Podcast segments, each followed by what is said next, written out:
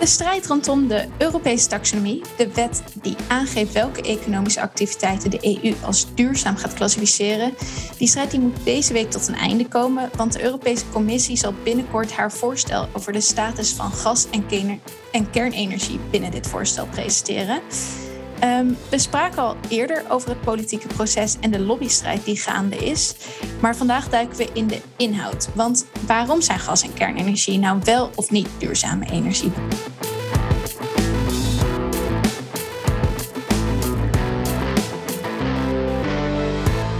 Ja, Pas, daar gaan we het vandaag over ja, hebben. Goeiedag. Uh, ben, je, ben je er klaar voor? ja, ik, Heb je er zin ja, in? Ja, ik ben er wel klaar voor. Maar ik denk wel dat we al meteen moeten constateren. En waarschijnlijk helemaal op het moment als we, als we deze podcast gaan, uh, gaan publiceren. Dan weten we zeker of het nog wel echt dit jaar gaat gebeuren. Ja, precies. Want eigenlijk uh, is die introductie misschien alweer achterhaald. Ja, met, met, dit, met dit dossier is, is bijna alles meteen een uur later alweer achterhaald. er gebeurt gigantisch ja. veel op. Maar...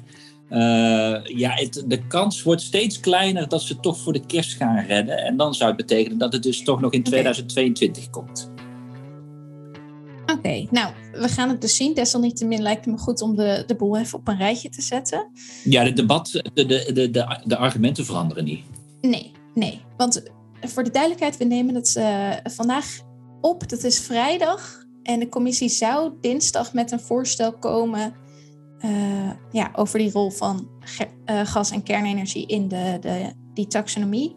Maar dat kan dus nog weer later worden. Ja, dat kan later worden. Kijk, ze moeten ook nog officieel volgens de wet is er ook nog een consultatie nodig. Dus moeten ze ook nog, mm -hmm. uh, want er, zijn, er is een heel platform opgericht en dat moet geconsulteerd worden. Nou, wat ik daarvan al hoorde, als dat dachten ze dat, dat dat kunnen we in 48 uur doen. Het is een korte consultatie.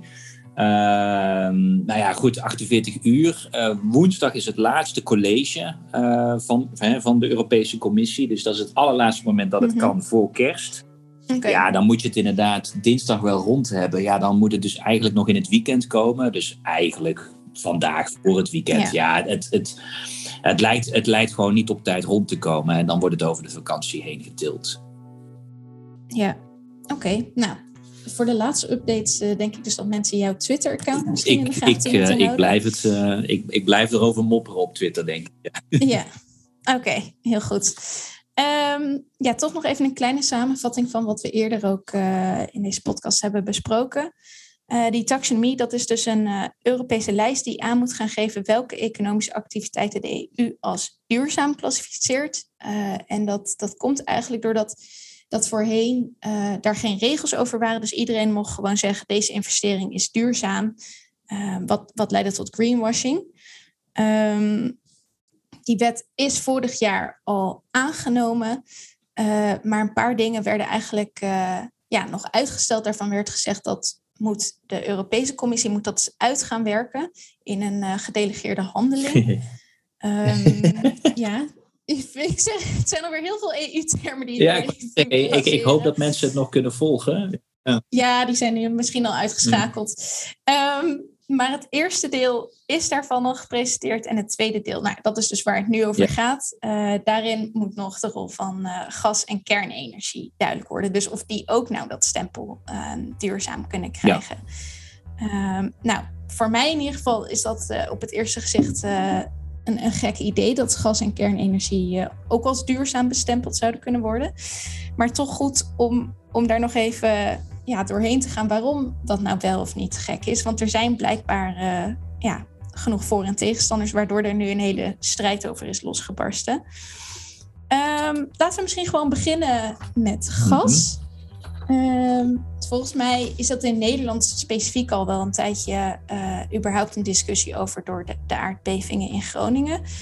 Um, maar er valt denk ik nog wel veel meer over te zeggen. Uh, ten eerste, uh, je hebt, begrijp ik, verschillende soorten gas. Maak daar nog uit van of het ene duurzamer is dan het andere. Ja.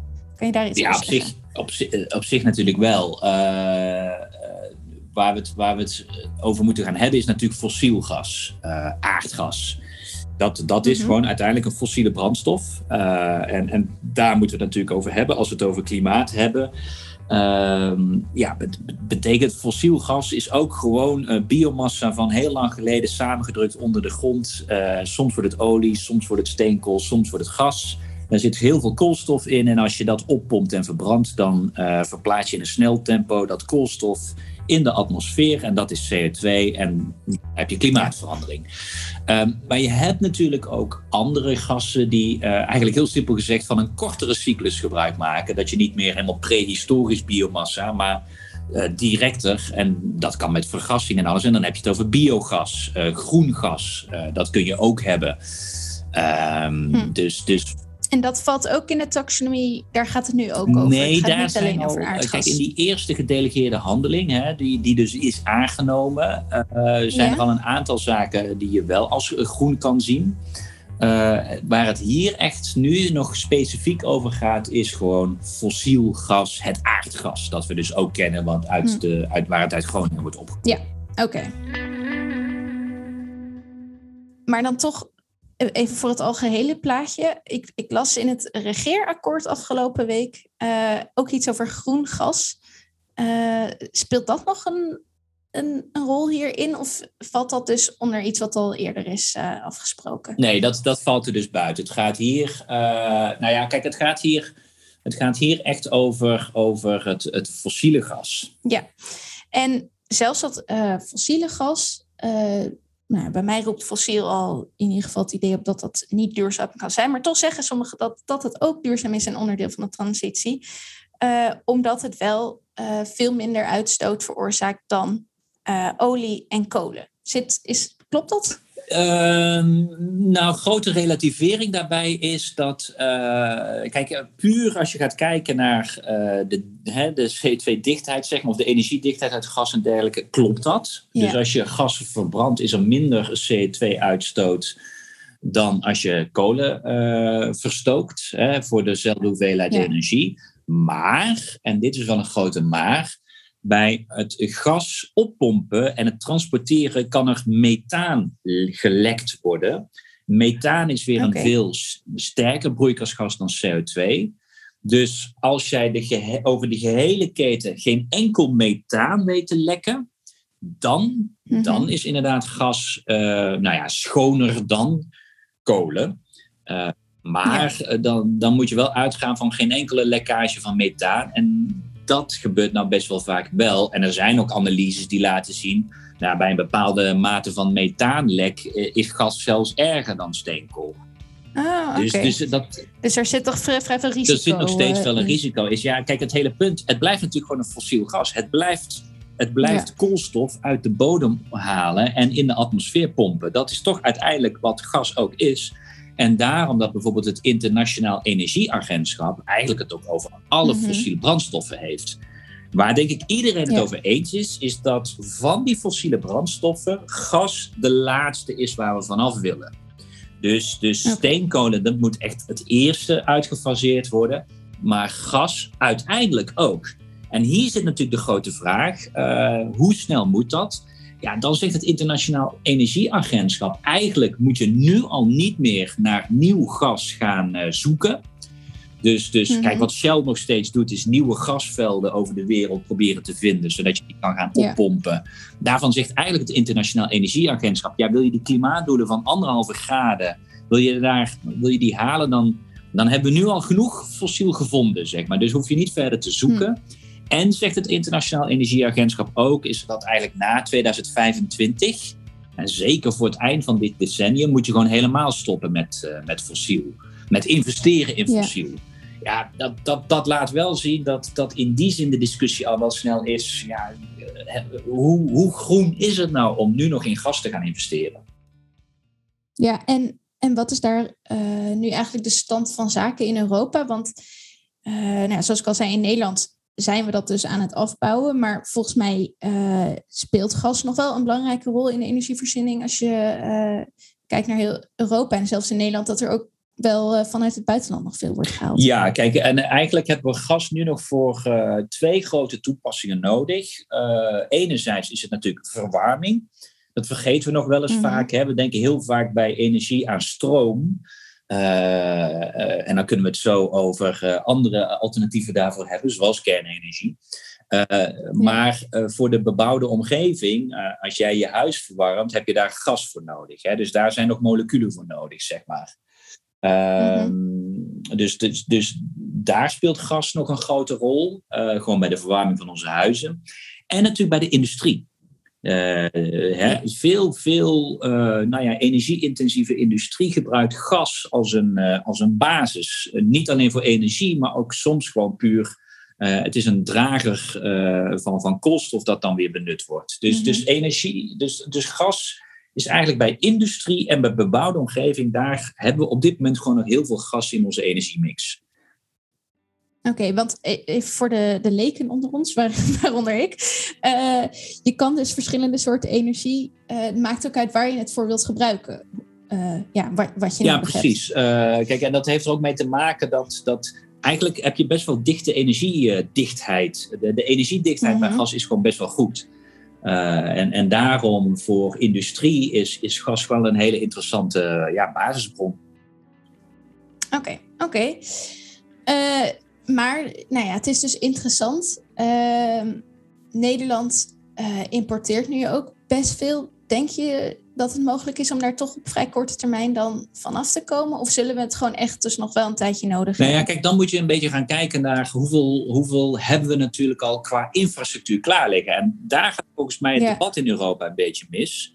Uh, kijk, we weten heel goed waar we nu staan. Hè, dat, dat, weten we redelijk goed. We weten ook waar we in 2050 willen staan. Hè. Dat is klimaatneutraliteit. Ja.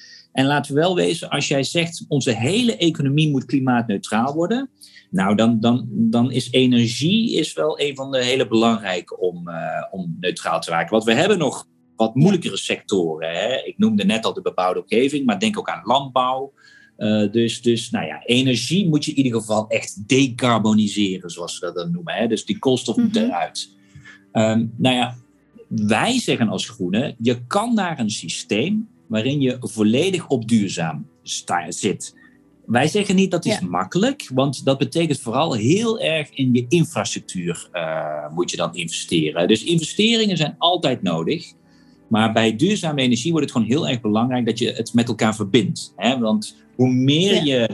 Want even een stapje ja. terug, als we het over duurzame energie hebben, dan hebben we het dus over wind- en zonne-energie, denk ik. Uh, ja, maar ook daar wordt natuurlijk onderzoek gedaan. Denk ook aan waterkracht. Denk aan getijdenenergie. Ja. Er zijn natuurlijk allerlei nieuwe vormen ook uh, daarbij te bedenken, mm -hmm. waarin ook ontwikkeling is.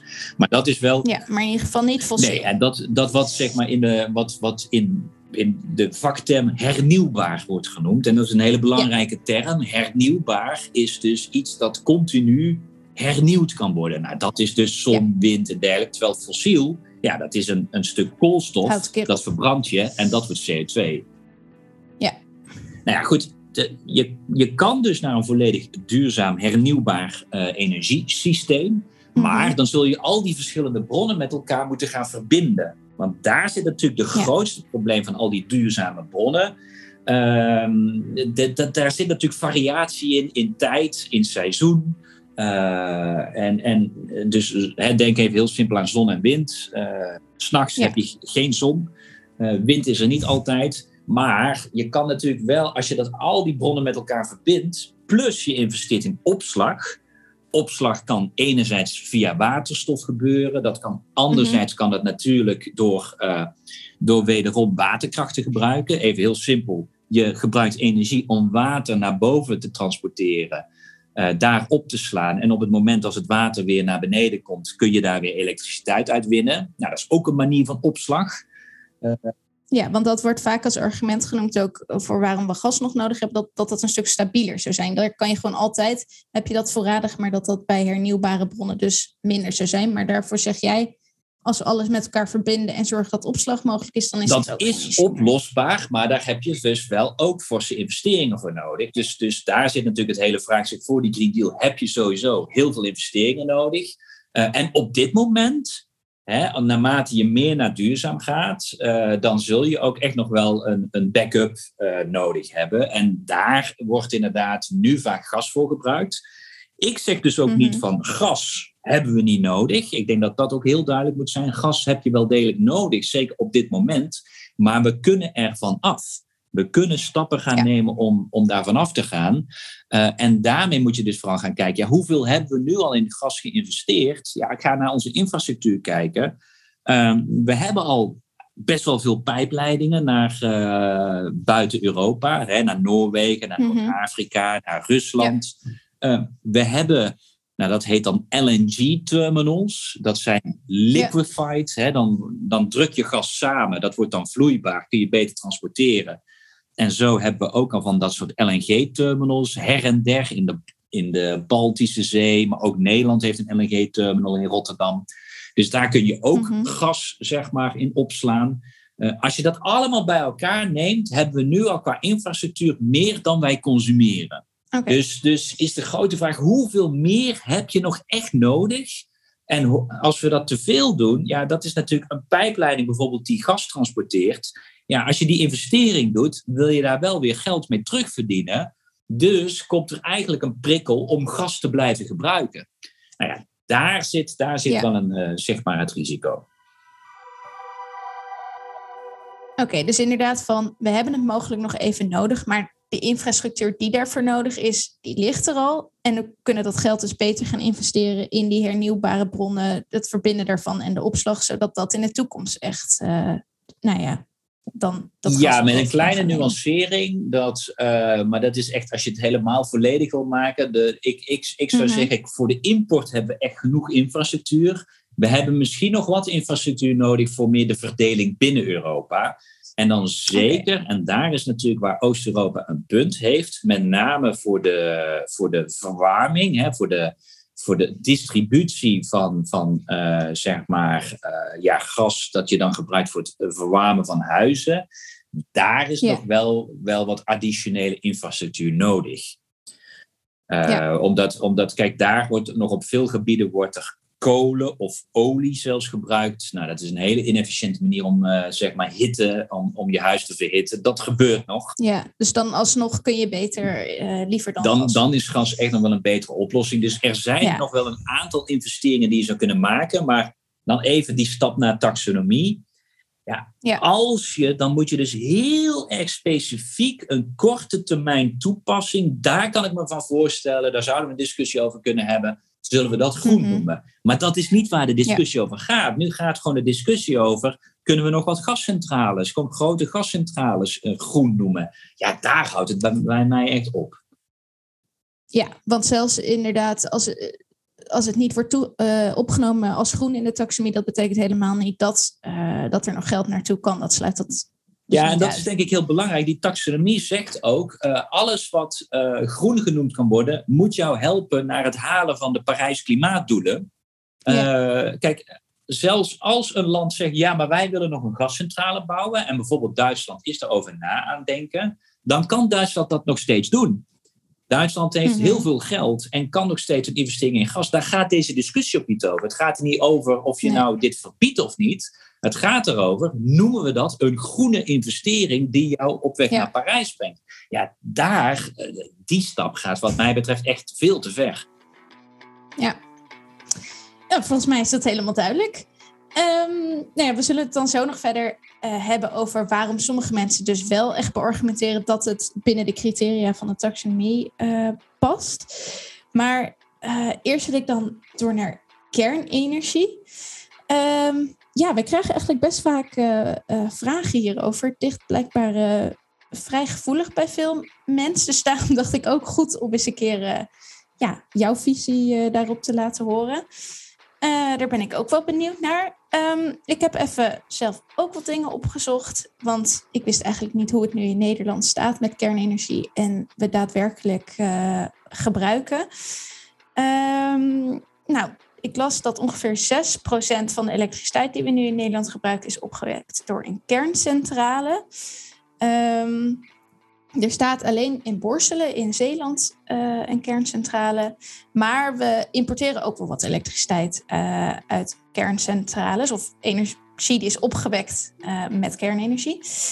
Um, ja, ik denk dat het grootste argument voor kernenergie is dat het dus zoveel minder uitstoot dan die fossiele bronnen.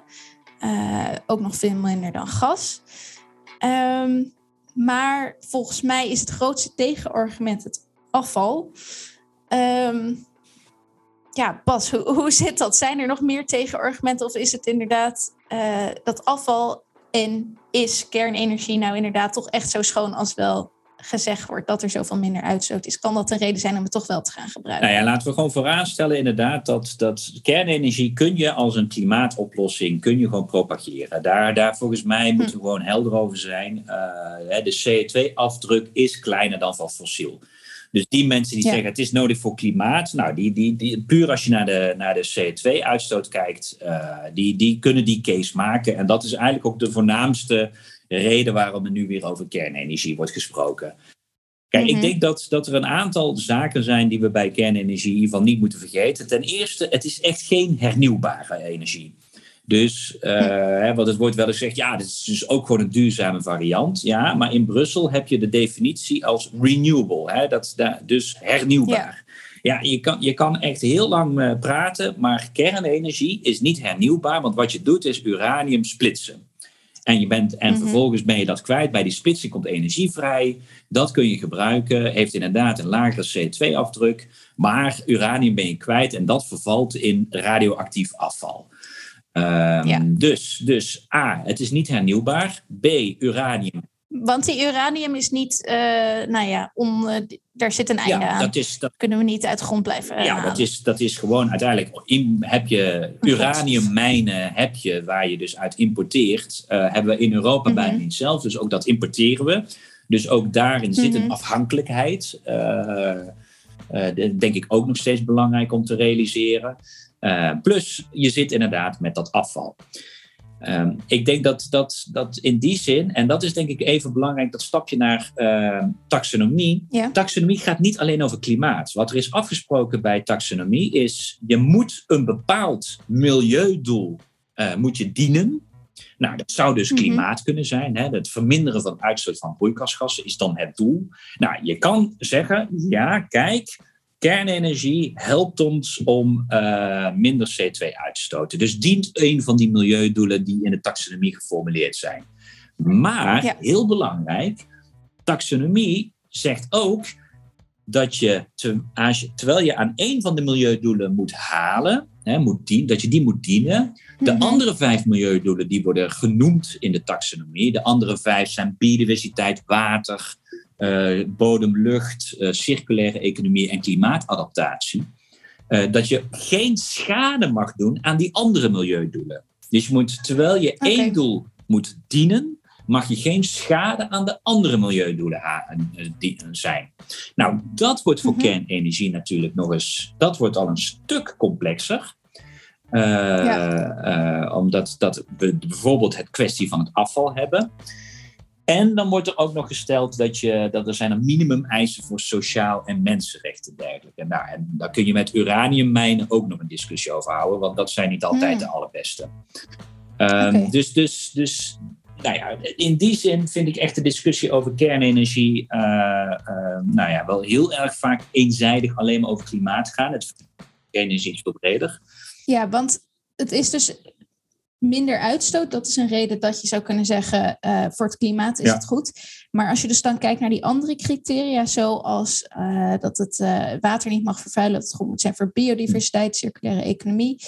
Um, dat het, of dat het die doelen niet mag schaden. Wat, op welke manier schaadt Nou ja, dan heb je het natuurlijk over dat afval. Als je het hebt over circulaire economie, is eigenlijk dat al onze grondstoffen willen wij naar een volledig circulaire economie ja, dan, dan betekent dat dat je eigenlijk geen afval meer wil. Dat is ook een onderdeel van, dat is een onderdeel van uh, de circulaire economie, is dat afval eigenlijk hergebruikt wordt. Nou ja, dat is met radioactief afval per definitie niet mogelijk. Ja, dat is dan wel een hele. Ja. Dus, ja. dus, nee, dat is ja, dus, dus daar zit echt al, een, echt al een kwestie in waardoor je kan afvragen: past het wel in de taxonomie? Gaan we het straks nog over hebben. Ja, en verder laten we het hebben over kernenergie. Eh, nu lijkt het soms in het Nederlandse debat: ja, dit, dit kernenergie, dat, dat gaat ons het klimaatprobleem oplossen. Nou ja, mhm. eh, de, de, kernenergie kan een bijdrage leveren, maar zal nooit het enige zijn. En dan moet je een afweging gaan maken. En de afweging is natuurlijk, kernenergie is ook gewoon uiteindelijk duur. En dat, dat zie je in Engeland, maar je ziet ook de kosten steeds nog omhoog gaan. Er wordt op dit moment eentje gebouwd in Frankrijk, eentje in Finland. Het duurt lang, het is duur. En niet op. Want het is zo duur omdat zo'n fabriek of zo'n reactor, om dat te bouwen, zo'n kerncentrale, dat moet natuurlijk op zo'n manier gebeuren dat dat heel veilig is. Uh, en, en dat is wat zo lang duurt. En ja, het is, het is, met name de veiligheidseisen die zorgen ervoor dat het duur is. En, en dat heeft er zelfs hmm. voor gezorgd dat kernenergie in de loop van de jaren duurder is geworden. Bijna elke energiebron, naarmate je die langer toepast hmm. en vaker toepast, wordt goedkoper. Per kilowattuur, als je het in elektriciteit doet, wordt een energiebron goedkoper. En dat zie je bij zon en wind. Daarvan gaat die prijs nog steeds naar beneden. Er is één bron die eigenlijk duurder is geworden uh, de afgelopen jaren, en dat is kernenergie. Dus ja, hm. dan, dan ga je op een gegeven moment, en heel vaak wordt er gedoe, ja, het is kolen of kernenergie. Ja, als je die tegenover elkaar zet, zeg ik ook, ja, kernenergie. Maar wat je veel meer in Europa het vraagstuk hebt, want daar hebben we natuurlijk al een energievoorziening op orde. Maar is het nu meer, hoe gaan we de komende generatie vervangen? Ja, dan wordt de vraag, is het duurzaam of kernenergie? Dat is eigenlijk de vergelijking. Ja, dan kom ik tot de conclusie dat het veel logischer, veel slimmer, hè, ook qua uh, zelfvoorziening, ook veel eerlijker, want duurzame energie is ook vaker uh, veel meer een decentrale energievoorziening, terwijl kernenergie gewoon diezelfde centrale energievoorziening is, grootschalig. Wat, wat is dat? Ik weet niet wat ik me daarmee voor moet stellen, decentrale of centrale energie. Nou, kijk, naar ons huidige energiesysteem heb je eigenlijk uh, een aantal opwekkers, producenten, naar heel mhm. veel consumenten, jij en ik. En ook industrie en dergelijke. Dus dat is een centrale opwekking en een decentrale aflevering. Duurzame energie is veel meer een decentrale opwekking en een decentrale aflevering. Dus er zijn ook meer kansen met duurzame energie dat dat ook in eigen handen is. Denk alleen maar even aan mensen met zonnepanelen op hun dak. Nou, we hebben het natuurlijk over een hoe. Democratischer kan het Precies. zijn. Precies. Uh, nou ga ik niet zeggen dat we niet. We hebben ook grootschalige duurzame energie nodig. En dat is bijvoorbeeld wind op zee, als je het vanuit Nederland denkt. Dus niet alles is leuk en kleinschalig. Dat zeg ik niet. Maar duurzame energie heeft wel veel meer een decentrale opwekking je gaat niet als dorp je eigen kerncentrale nee, nee, dat, dat, in je achtertuin. Nee, en dat is natuurlijk ook wat, waarom gedeeltelijk een bepaalde lobby heel erg graag kernenergie wil behouden. Omdat je dan wel het, eigenlijk het, het, het centrale opwekkingsmodel in stand kan houden. Ja, toch denk ik dat er ook klimaatactivisten zijn die dan zullen zeggen: ja, maar dat is ook gewoon goed, want we moeten zo snel mogelijk, we hebben geen tijd te verliezen. Uh, kernenergie is juist handig dat we dat centraal kunnen regelen. Dan zijn we gewoon snel klaar. Uh, en die hernieuwbare energie, dat uh, moeten we allemaal maar zien met dat aan elkaar verbinden. En die opslag, dat is allemaal nog niet duidelijk. Ja, maar daarom kom je heel, heel erg wel natuurlijk bij het vraagstuk: waar gaan we nu onze keuzes maken? En dat is een beetje het hele probleem met ons energiesysteem. Zullen we nu echt, de, de, dat wordt natuurlijk continu de wet, door de wetenschap ook benadrukt. Mm. Het komende decennium is cruciaal. De komende tien jaar moeten we eigenlijk ons energiesysteem uh, gedecarboniseerd hebben om vervolgens naar de andere kwesties te gaan om uh, zeg onze hele economie klimaatneutraal te maken. Ja, als je, als je het hebt over 10 tot 15 jaar maximaal voor onze energieopwekking, ja, dan, dan is echt maar de vraag of kernenergie daarin dus in past qua tijd bedoel, het klopt dat kern, een kerncentrale, als die eenmaal de vergunning er is, kun je die theoretisch snel bouwen. Maar we zien gewoon qua alle voorbeelden om ons heen dat het veel langer duurt dan gepland. Uh, dus nog duurder wordt dan gepland. En ja, voordat in Nederland we goed en wel ook, want nu heeft het regeerakkoord gezegd, we gaan er twee doen. Met overigens 5 miljard vrijgezet daarvoor in de begroting. Nou, ik mhm. kan je melden, dat is niet genoeg. Eh, ehm, plus alleen al wel het vraagstuk waar. Waar wil je dan die kerncentrale? Nou, daar gaat zoveel tijd over. En dan moet het gebouwd worden, moet je investeerders vinden. Nou ja, weet je, dat, dat, ik zeg niet dat uh, duurzame energie niet met debat gaat. Maar dat kan aan, aan echt absoluut sneller. Ja. Oké, ik snap het. En ik uh, hoor de laatste tijd ook veel over kernfusie. Ja. Uh, Moeten we daar iets mee? Nou ja, kijk, dat, dat is op zich, uh, met kernfusie zou je het afvalprobleem oplossen. Dus, dus wat je dan doet is eigenlijk twee atomen bij elkaar voegen en, dan komt, en mhm. daar zeg maar de vrijgekomen energie van benutten. Dan heb je niet het afvalprobleem. Dus, dus, nou, dat is toch het grootste probleem. Is dan nou, dan heb, je, dan heb je, nou, ik hoop dat je net goed hebt geluisterd dat ik niet heb gezegd dat dat het grootste probleem is. Dan heb je een van de problemen opgelost. Ja, ik zou zeggen, uh-huh. eh, prima, uh, blijf dat verder ontwikkelen. De grote vraag is alleen, hoe snel kunnen we met kernfusie energie opleveren? Nou, wat mij betreft uh, moeten we daar, mag er geld blijven gestopt worden in onderzoek. Uh, je mag het, hè, wat mij betreft, mag je dit zelfs groen noemen. Dus vooruit onderzoek in kernfusie, noem dat groen. Zetten we dat in de taxonomie. Maar kan, ik, kan ik ook nog mee leven. Maar of dit nou echt een, een onmisbare schakel gaat worden in ons energiesysteem, dat, dat vraag ik me af als wij het. Dat is gewoon nog heel ja, onduidelijk. Als we de komende tien jaar cruciaal zijn en daarin moeten bewegen, ja, denk ik gewoon dat kernfusie uiteindelijk te laat komt. Maar goed, ik bedoel, laten, okay. laten we blijven onderzoeken. Het is altijd goed om te onderzoeken. Ja.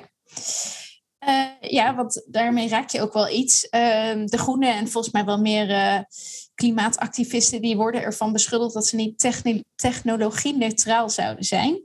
Uh, oftewel dat sommige energievormen bij voorbaat al worden uitgesloten, um, terwijl we die luxe helemaal niet zouden hebben.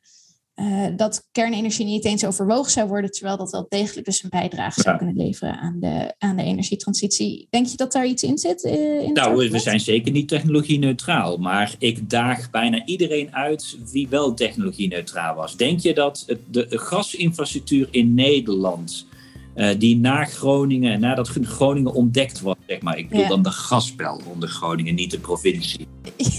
uh, toen, ja, op zich, ja, bij, soms vraag je af bij politie in Den Haag of ze Groningen ook nog ontdekt hebben. Maar uh, ja. in ieder geval, toen de gaspel ontdekt is, denk je dat de overheid toen zei: nee, we gaan, we gaan technologie-neutraal gaan we dit problematiekje beschouwen. De hele mhm. gasinfrastructuur is daarna uitgerold om maar van dat gas uit Groningen te profiteren. Dus niemand, geen enkele overheid is technologie. Er worden altijd politieke tuurlijk, keuzes daarin Tuurlijk, dat doet iedereen. Ja. Ik bedoel, uh, nu, nu de auto's steeds meer naar elektriciteit gaan, hoor je in één keer allerlei rechtse politici. Nee, maar het moet ook waterstof kunnen zijn of iets dergelijks. Hmm. Ineens zijn ze. Spelen altijd andere Ineens zijn ze niet technologie-neutraal. Of de Britten die hadden gezegd: we moeten technologie-neutraal zijn om vervolgens erachter te komen dat dan kernenergie nooit van de grond komt. En die hebben vervolgens heel specifiek beleid met heel veel subsidies voor kernenergie uit de grond gestampt. Niemand is ja. technologie-neutraal. Ik denk dat uh, de Groenen in hun uh, visie op het energiesysteem, wat naar 100% duurzaam kan en moet dus van de goede betreft, ja, dan is er geen plek in kernenergie. Dat is de conclusie. Hm. Daardoor uh, maak je een keuze, dat klopt. Maar uh, wat ik zei, technologie-neutraliteit is, is, een, is, is echt een, een mythe. Ja, en ik denk nou, vooral dat als mensen dat zeggen, dat ze het bedoelen uh, dat Ehm, dat kernenergie niet eens overwogen zou worden. En dat als het wel overwogen zou worden, dat dan zou blijken dat het eigenlijk uh, ja, een betere energievorm zou zijn dan andere. En dat daar veel meer in geïnvesteerd zou worden. Maar ja, kijk, je kan. Nou ja, ik begrijp wel uit jouw verhaal dat het, dat het wel overwogen wordt, dat dat wel mag. In ieder geval. Ja, kijk, ik, maar daar word ik ook moe van. Er was ook deze, deze week op tv van. Nou, het taboe is doorbroken. Uh, en toen had ik echt zoiets. Hmm. Welk taboe? Er is over geen energievorm zoveel geouwehoerd als kernenergie. En zelfs vorige kabinetten hebben ook al gezegd dat ze kernenergie willen. Maar het is niet gebeurd, omdat het heel duur was. En eigenlijk alle private investeerders ook zeggen: dek alle risico's maar af, dan willen we het overwegen. Dus ja, dat taboe, eh, ja, dat is echt onzin. Er is geen taboe. Alleen, ja, mensen zijn het niet eens met onze overwegingen. En dat mag. Ja, dat is iets anders. ja. Prima, uh, wees het oneens met mij. Dat mag met alles. Maar ik bedoel, ja, ik denk dat het wel prettig is als, als je als politicus gewoon aangeeft waar je staat. Ja, ja, nee, zeker. Dat mag ik ook hopen. Nou, dat is dan hierbij uh, volgens mij duidelijk. Um, ik wou nog één argument uh, noemen wat je ook vaak tegenkomt. En dat is geopolitiek. Uh, zowel bij gas uh, en kernenergie lees je daarover um, dat we ja, niet afhankelijk zouden moeten worden in onze energievoorziening van andere landen. nou, dat pleit volgens mij eigenlijk tegen gas. Want op dit moment, nou, zoals je al zei, halen we heel veel uit Rusland en Noorwegen. terwijl bij kernenergie zou je dat dan juist als argument kunnen zien dat we met kernenergie meer ja, het zelf in de hand kunnen hebben. Zit daar nog iets in? Moeten we dat ook overwegen?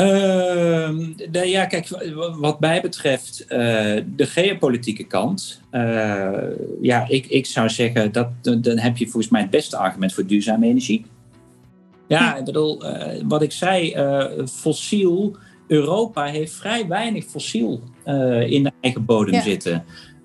dus, dus, en, en daar waar we het hebben, levert het allerlei problemen op. Hè? Denk maar aan Groningen.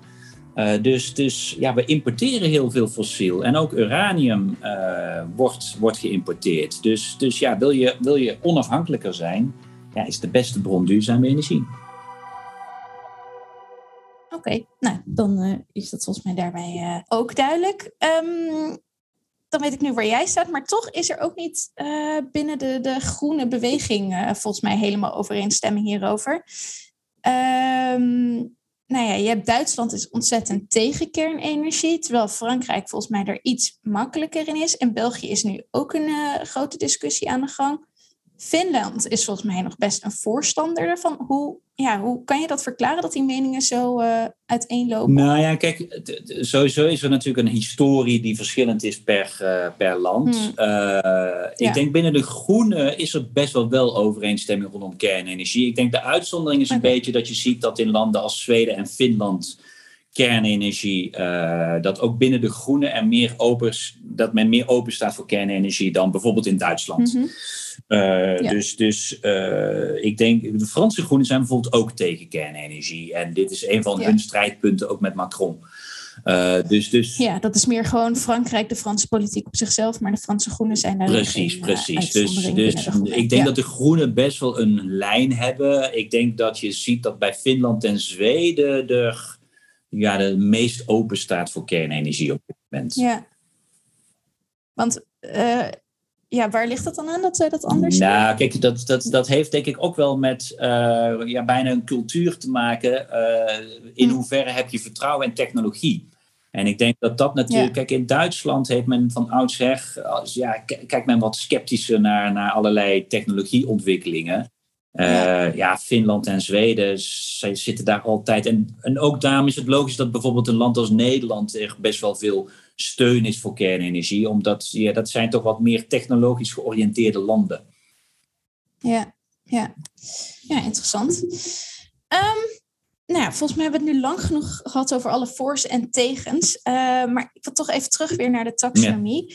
Ja. Uh, want volgens mij is het vrij duidelijk inderdaad waarom het eigenlijk daar niet in thuis zou horen. Maar toch uh, ligt het nu op tafel. Um, ja, ik, ik heb naar die criteria zitten kijken. Je noemde het net ook al. Uh, kan je vertellen eh, welke ja, argumenten er nu gebruikt worden, dus door nou ja, vooral de, de gas- en kernenergielobby, uh, maar ook een aantal landen, over dat ze wel een plek in die taxonomie ja, zouden kunnen vinden? Hoe, hoe nou ja, bij gas is vooral het argument transitie. Hè? Dus we hebben het nodig voor de transitie. bij kernenergie, mm-hmm. bij kernenergie nou ja, is het dus het klimaatargument. Ik denk dat dat helder is. Ja. Uh, kijk, ik denk dat hier uh, bij kernenergie, met alle respect, dit is echt een hele symbolische discussie. Want zelfs als wij kernenergie een groene investering gaan maken, is dat het echt niet zo zijn dat de private investeerder zal zeggen: Oh nee, daar ga ik het op doen. Bij kern, nee, ja, dat, dat is echt. Dit, dit is eigenlijk is dit een debat nee. voor het ego van Macron. Uh, okay. Ja, dat is. Sorry dat ik het. Het, het, het, het, is niet zo heel veel meer dan dat, omdat uiteindelijk, ja, leuk als het groen is, maar dan nog zal de private investeerder zeggen, maar ik wil nog steeds dat de risico's afgedekt worden. Dus, dus dat kernenergie groen wordt genoemd is in hoge mate een symbolisch debat en eigenlijk een hoog politiek debat. Dus is het heel raar om dit in zo'n gedelegeerde handelingsdiscussie van taxonomie te hebben. Mm. Uh, laten we daar dan gewoon een wetgevend, in alle volle democratie, in alle openheid het debat over voeren en kijken waar de meerderheid van Europa ligt. Om dat nu in zo'n taxonomie via een gedelegeerde handeling te doen, is ook democratisch uitermate discutabel. Dus, dus bij kernenergie uh, ja, is het gewoon echt een lobby van Frankrijk. En zijn er landen het ermee eens. Maar volgens mij gaat het dus veel meer over, ja, is, is zit, eigenlijk zit de vraag erachter, zie jij toekomst voor kernenergie in Europa? Ja, dat volgens mij. Ja, en het is eigenlijk gek dat die vraag in, in hier nu beantwoord moet worden, omdat dat dus een uitwerking is van een wet. Ik, krijg ook allemaal allerlei mensen op Twitter die zeggen: Ja, je bent tegen belachelijk. Ik bedoel, prima, laten we dat debat voeren, maar laten we dat niet in een taxonomie doen. Ook omdat die taxonomie een veel breder iets is. En een Duitse investeerder, waar in het land Duitsland kernenergie eigenlijk gewoon echt gewoon een, ja, een giftig is in het politieke debat, in het maatschappelijke debat, ja, voor een investeerder hmm. wordt daarmee de taxonomie onbruikbaar. Ja. Dus, dus willen we dit doen, dan zullen we dit echt buiten de taxonomie en gewoon in een vol democratisch debat uh, over moeten voeren. Ja. Want als je dan zegt van uh, eigenlijk gaat het alleen om het ego van Macron, toch zullen de Fransen ook dan met argumenten moeten komen waarom het wel toch in die, uh, binnen die wet zou. Nou ja, maar dat doen ze door. Die wet daar is gewoon overeenstemming voor. Maar hoe, wat zeggen ze dan? Waar, waar zijn ja, maar omdat het, dus, omdat het weinig CO2 uitstoot. Dus zou het 10 het klimaat, hoe waar we het over gehad hebben. Dat is een reden waarom zeggen, dus is het groen. Nou ja, daarbij zei ik al van nee, want taxonomie zegt ook, je mag de andere doelen niet schaden. Dus dat vergeet Frankrijk soms mhm. wel eens. Uh, En dan hebben we het nog niet eens over de veiligheidsrisico's, ook over de nucleaire veiligheid, hè, nucleaire proliferatie. Dus er zitten nog allerlei andere uh, facetten aan. Uh, dus, dus ik zou zeggen van ja, daar klopt het al niet. Maar nogmaals, eigenlijk zit hier achter veel meer het debat. Uh, is er plek voor kernenergie in de energiemix? Ja, die, moeten we, die vraag moeten we volgens mij niet in een taxonomie oplossen. Nee, duidelijk. En um, ja, volgens mij is het dan dus vrij duidelijk dat ook al is het goed voor het klimaat, uh, of goed zou je dat kunnen beargumenteren, uh, dat het dus schadelijk is voor die andere ja. doelen.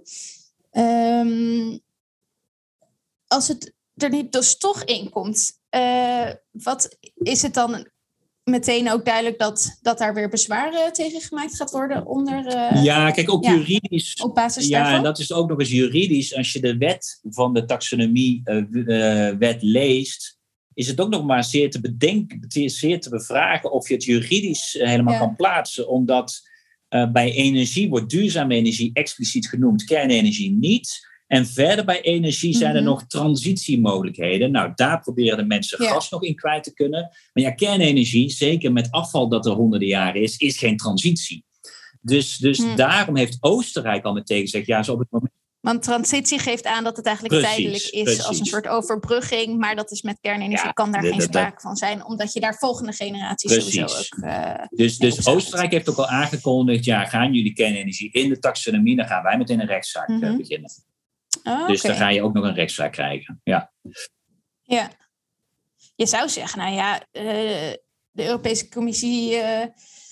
Uh, snijdt zichzelf wel heel erg uh, in handen voor zeggen. In de vingers. dat, als ze ja. dit in de vingers.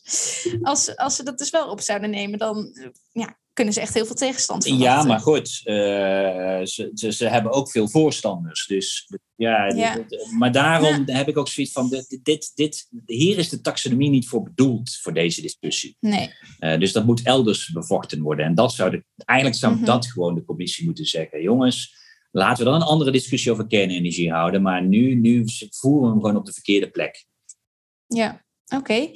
Okay. Um, duidelijk. En wat je zei over gas, dat zou dus mogelijk nog wel binnen een transitiecategorie kunnen gaan vallen. Wat, uh, dat, dat is dus dat je niet het label groen krijgt, maar dat er nog een soort andere klassificering nou, is. Nou, dat is dan nog wel steeds, hè, het past in de wet van taxonomie. Uh, dus het is nog steeds wel ja. groen, maar dan is het groen in de transitie. Dus er zijn wat subcategorieën. Mm. En, en ah, als okay, een overgang ja. zijn natuurlijk nog wel een pleidooi kunnen houden voor gas.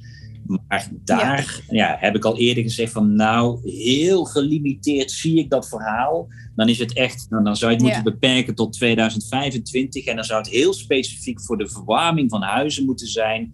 Uh, waar je kolen vervangt, waar je niet uitbreiding aan uh, capaciteit doet. Nou, helemaal ingekaderd zou het wellicht nog een plekje kunnen krijgen. Maar niet op de mhm. manier waarop op dit moment in ieder geval landen voor aan het lobbyen zijn. Ja. Oké. Okay. Nou, uh, spannend. Volgens mij is duidelijk waarom het, jij in ieder geval van mening bent dat het uh, dus niet en mogelijk gas onder hele strenge voorwaarden een plekje zou kunnen krijgen. Um, nog even vooruitkijkend, er kan dus, als het dus wel uh, gas en zowel kernenergie als gas, als die toch een plek krijgen, dan kan er dus veel tegenstand verwachten. Wat uh, kan jij hier nog iets aan, uh, aan doen? Kan het Europese ja. parlement dan nog uh, een Absoluut. we hebben dan een periode van vier maanden. Dus dit voorstel komt. nou, stel je voor dat het mm -hmm. toch woensdag 22 december komt. Nou, dan moet het nog officieel in de boeken komen. En op het moment bij de officiële publicatie dan gaan vier maanden in. En in die termijn van vier maanden loopt een bezwaarperiode. Ja. En uh, dat kunnen we nog verlengen naar zes maanden. Dus er kan nog twee maanden bij. Maar goed, dus in vier of zes maanden uh, ja, gaat, gaat er een bezwaarperiode komen. En dan kan een meerderheid van landen bezwaar maken. Of een meerderheid mm -hmm. van het Europees Parlement. Uh, en okay. ja, daar, ja, mocht het nou echt een slecht voorstel worden, ja, dan gaan wij natuurlijk ervoor vechten om een, een meerderheid voor het bezwaar te krijgen. Als dat ja. wordt aangenomen, dan wordt die gedelegeerde handeling verworpen en moet de commissie weer, uh, nou ja, back to the drawing board. Beginnen ja, we weer van voren aan. Ja. Oké, okay, en um, hoe, hoe liggen die verhoudingen nu in het Europees Parlement? Denk je dat als het er dus in uh, zou komen, dat, dat we dan een goede kans hebben om uh, zo'n bezwaar aan te tekenen? Nou ja, kijk, wat interessant wordt, kijk, in de raad bij de lidstaten lijkt er dus een hele negatieve deal mogelijk te zijn van, weet je wat, ik geef jou kernenergie, dan geef ik jou gas. Dus eigenlijk het slechtste hm. van de beide werelden zou gecombineerd kunnen worden. Maar ja. die slechte combinatie kan in het Europees Parlement natuurlijk de kans juist vergroten uh, voor, een, voor een bezwaar. Want, want ja, iemand die kernenergie oké okay vindt, maar hoeveel is kernenergie jou waard? Nogmaals, omdat het groen noemen in een taxonomie echt niet in één keer alle private investeerders naar, naar kernenergie zal doen laten stromen. Ja. En daarvoor in de plaats krijg je wel gas. Wat dus ook een teken naar de wereld is. Europa mm. gaat meer in gas investeren. Kortom, terwijl Europa in Glasgow zegt... we moeten weg van fossiele brandstoffen... gaan we dan nu zeggen... maar investeringen in dit fossiele brandstof... dat noemen wij groen. Ja, dat, dat is ja. desdanig absurd dat, ja, dat ik denk best wel nog eens een kans te maken op een meerderheid in het Europees Parlement, mm. omdat je tegenstander tegen gas en kernenergie wel eens zou kunnen combineren. Oké, okay. nou. Maar dat wordt gezien, dat wordt 2022 dan. Ja, we zijn hier echt uh, jaren mee bezig. Maar, uh... Nou, laten we vooral eerst proberen gewoon geen slecht voorstel te krijgen. Dat is het allerbelangrijkste. Ja, ja dan hoeft dit ook allemaal niet, uh, nou ja, inderdaad te gebeuren. Precies. Oké, okay, um, we gaan er uh, volgende keer weer over verder praten. Maar um, ik wou toch nog iets luchtigers ook bespreken. Uh, om de gemoeder weer een beetje te bedaren. Um, jouw muziekoverzicht. Ja. ja. ja. je doet het volgens mij al een paar jaar. Uh, dat je ieder jaar een album top 15 maakt. ja, het is iets heel anders dan politiek, maar zeker ook leuk. Ik begreep dat je je top 15, dat je er nog niet helemaal nee, over uit bent. Nee. Maar ik dacht, misschien is het leuk om vandaag al je top 3 te bespreken. Nou, ik wou net zeggen, uh, en, en we hebben niet zo heel veel tijd meer. Dus Nee, laat daarom. Het dus gewoon... ook denk ik alleen Precies, maar bezig. dus laat ik het gewoon maar heel snel doen. Maar uh, uh, voor de top 15, die, die komt weer online. -huh. Maar uh-huh. voor, voor de top 3 zal, ik, zal ik aftellen. Op 3 uh, ja, ja, Dat, is, dat, is, dat vind jij herrie. Maar uh, ik, het, het, is echt een hele goede. Ja, je, je kan het heavy metal noemen. Uh, ik vind die terminologie altijd wat, wat, wat minder. Maar het komt uit Frankrijk. En dat is echt wel bijzonder, want ik heb niet heel vaak Franse muziek. Maar het is -hmm. Engelstalig over de, overigens. Maar dat is Gojira. Oh. Ja, ik weet niet precies de uitspraak, maar volgens mij is het Ila aan Gojira. Nee, Gojira mm -hmm. en Français. En de plaat heet Fortitude. Uh, en die, die staat op drie bij mij. Dus dat, dat, ja, dat is echt ja, goede Franse muziek. Dus dat moet je altijd uh, belonen. Want dat gebeurt niet zo heel ja. vaak. nu heb ik weer heel veel mensen beledigd. Nee. Um, ik denk dat er weinig Fransen naar deze uh, podcast is, luisteren. Ja, maar, maar, wel francofielen natuurlijk. Dus excuus, oh, excuus daarvoor. Okay. Um, op twee een nieuwe band. Uh, die die ja. ja. echt wel alternatief alternatieve plaat. Hele bijzondere muziek, vind ik. Uh, sfeervol. Je moet ervan houden. Het is, het is, uh, maar ja, ik, ik vind het erg goed. En dat heet Low. En de plaat heet Hey mm -hmm. What. En die staat bij mij wel echt op twee. Echt een goede... goede... Waar komen die vandaan? Ja, nou vraag je me wat. Het zal... Het, het, ja, het is Oh. Engeland of Amerika. Dat, eh, het is gewoon het uh, Angelsaksische, klassieke Angelsaksische. Ja. En op één, ja, dat is toch gewoon een bekende voor mij. En, en draait al heel lang rond. En die komen uit Schotland, dus dat weet ik wel zeker. Ja. Ehm, het staat maar één nummer op waar ze zingen. En de rest is helemaal instrumentaal, maar wel ja, met veel, veel opbouw erin. En eh, ja, dit, ze, ze, ze maken wel vaker goede platen. Maar de- dit jaar hebben ze wel weer echt een hele goede gemaakt. En dat is Mogwai.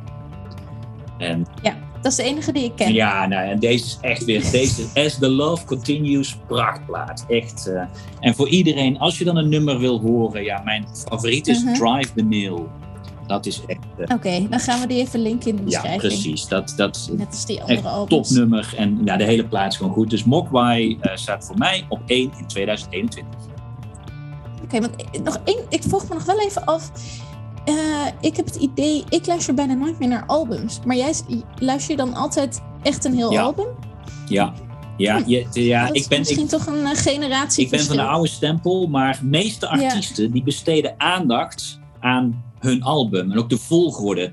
Echt de slechtste, slechtste, de slechtste functie bij allerlei programma's is de shuffle, waarin de nummers leuk door elkaar worden gehusseld. Nou, echt waar. Koppijn, koppijn. Mogelijk maak ik me daar ook Ja, moet je dus niet doen, hè? Moet je dus niet doen. Oké, oké. We nemen het mee. En eh, is dit allemaal op Spotify te vinden? Geen idee, eh, hoor. Dat, dat doe ik niet aan. Dat is eh, allemaal veel te, dat is veel te modern voor mij.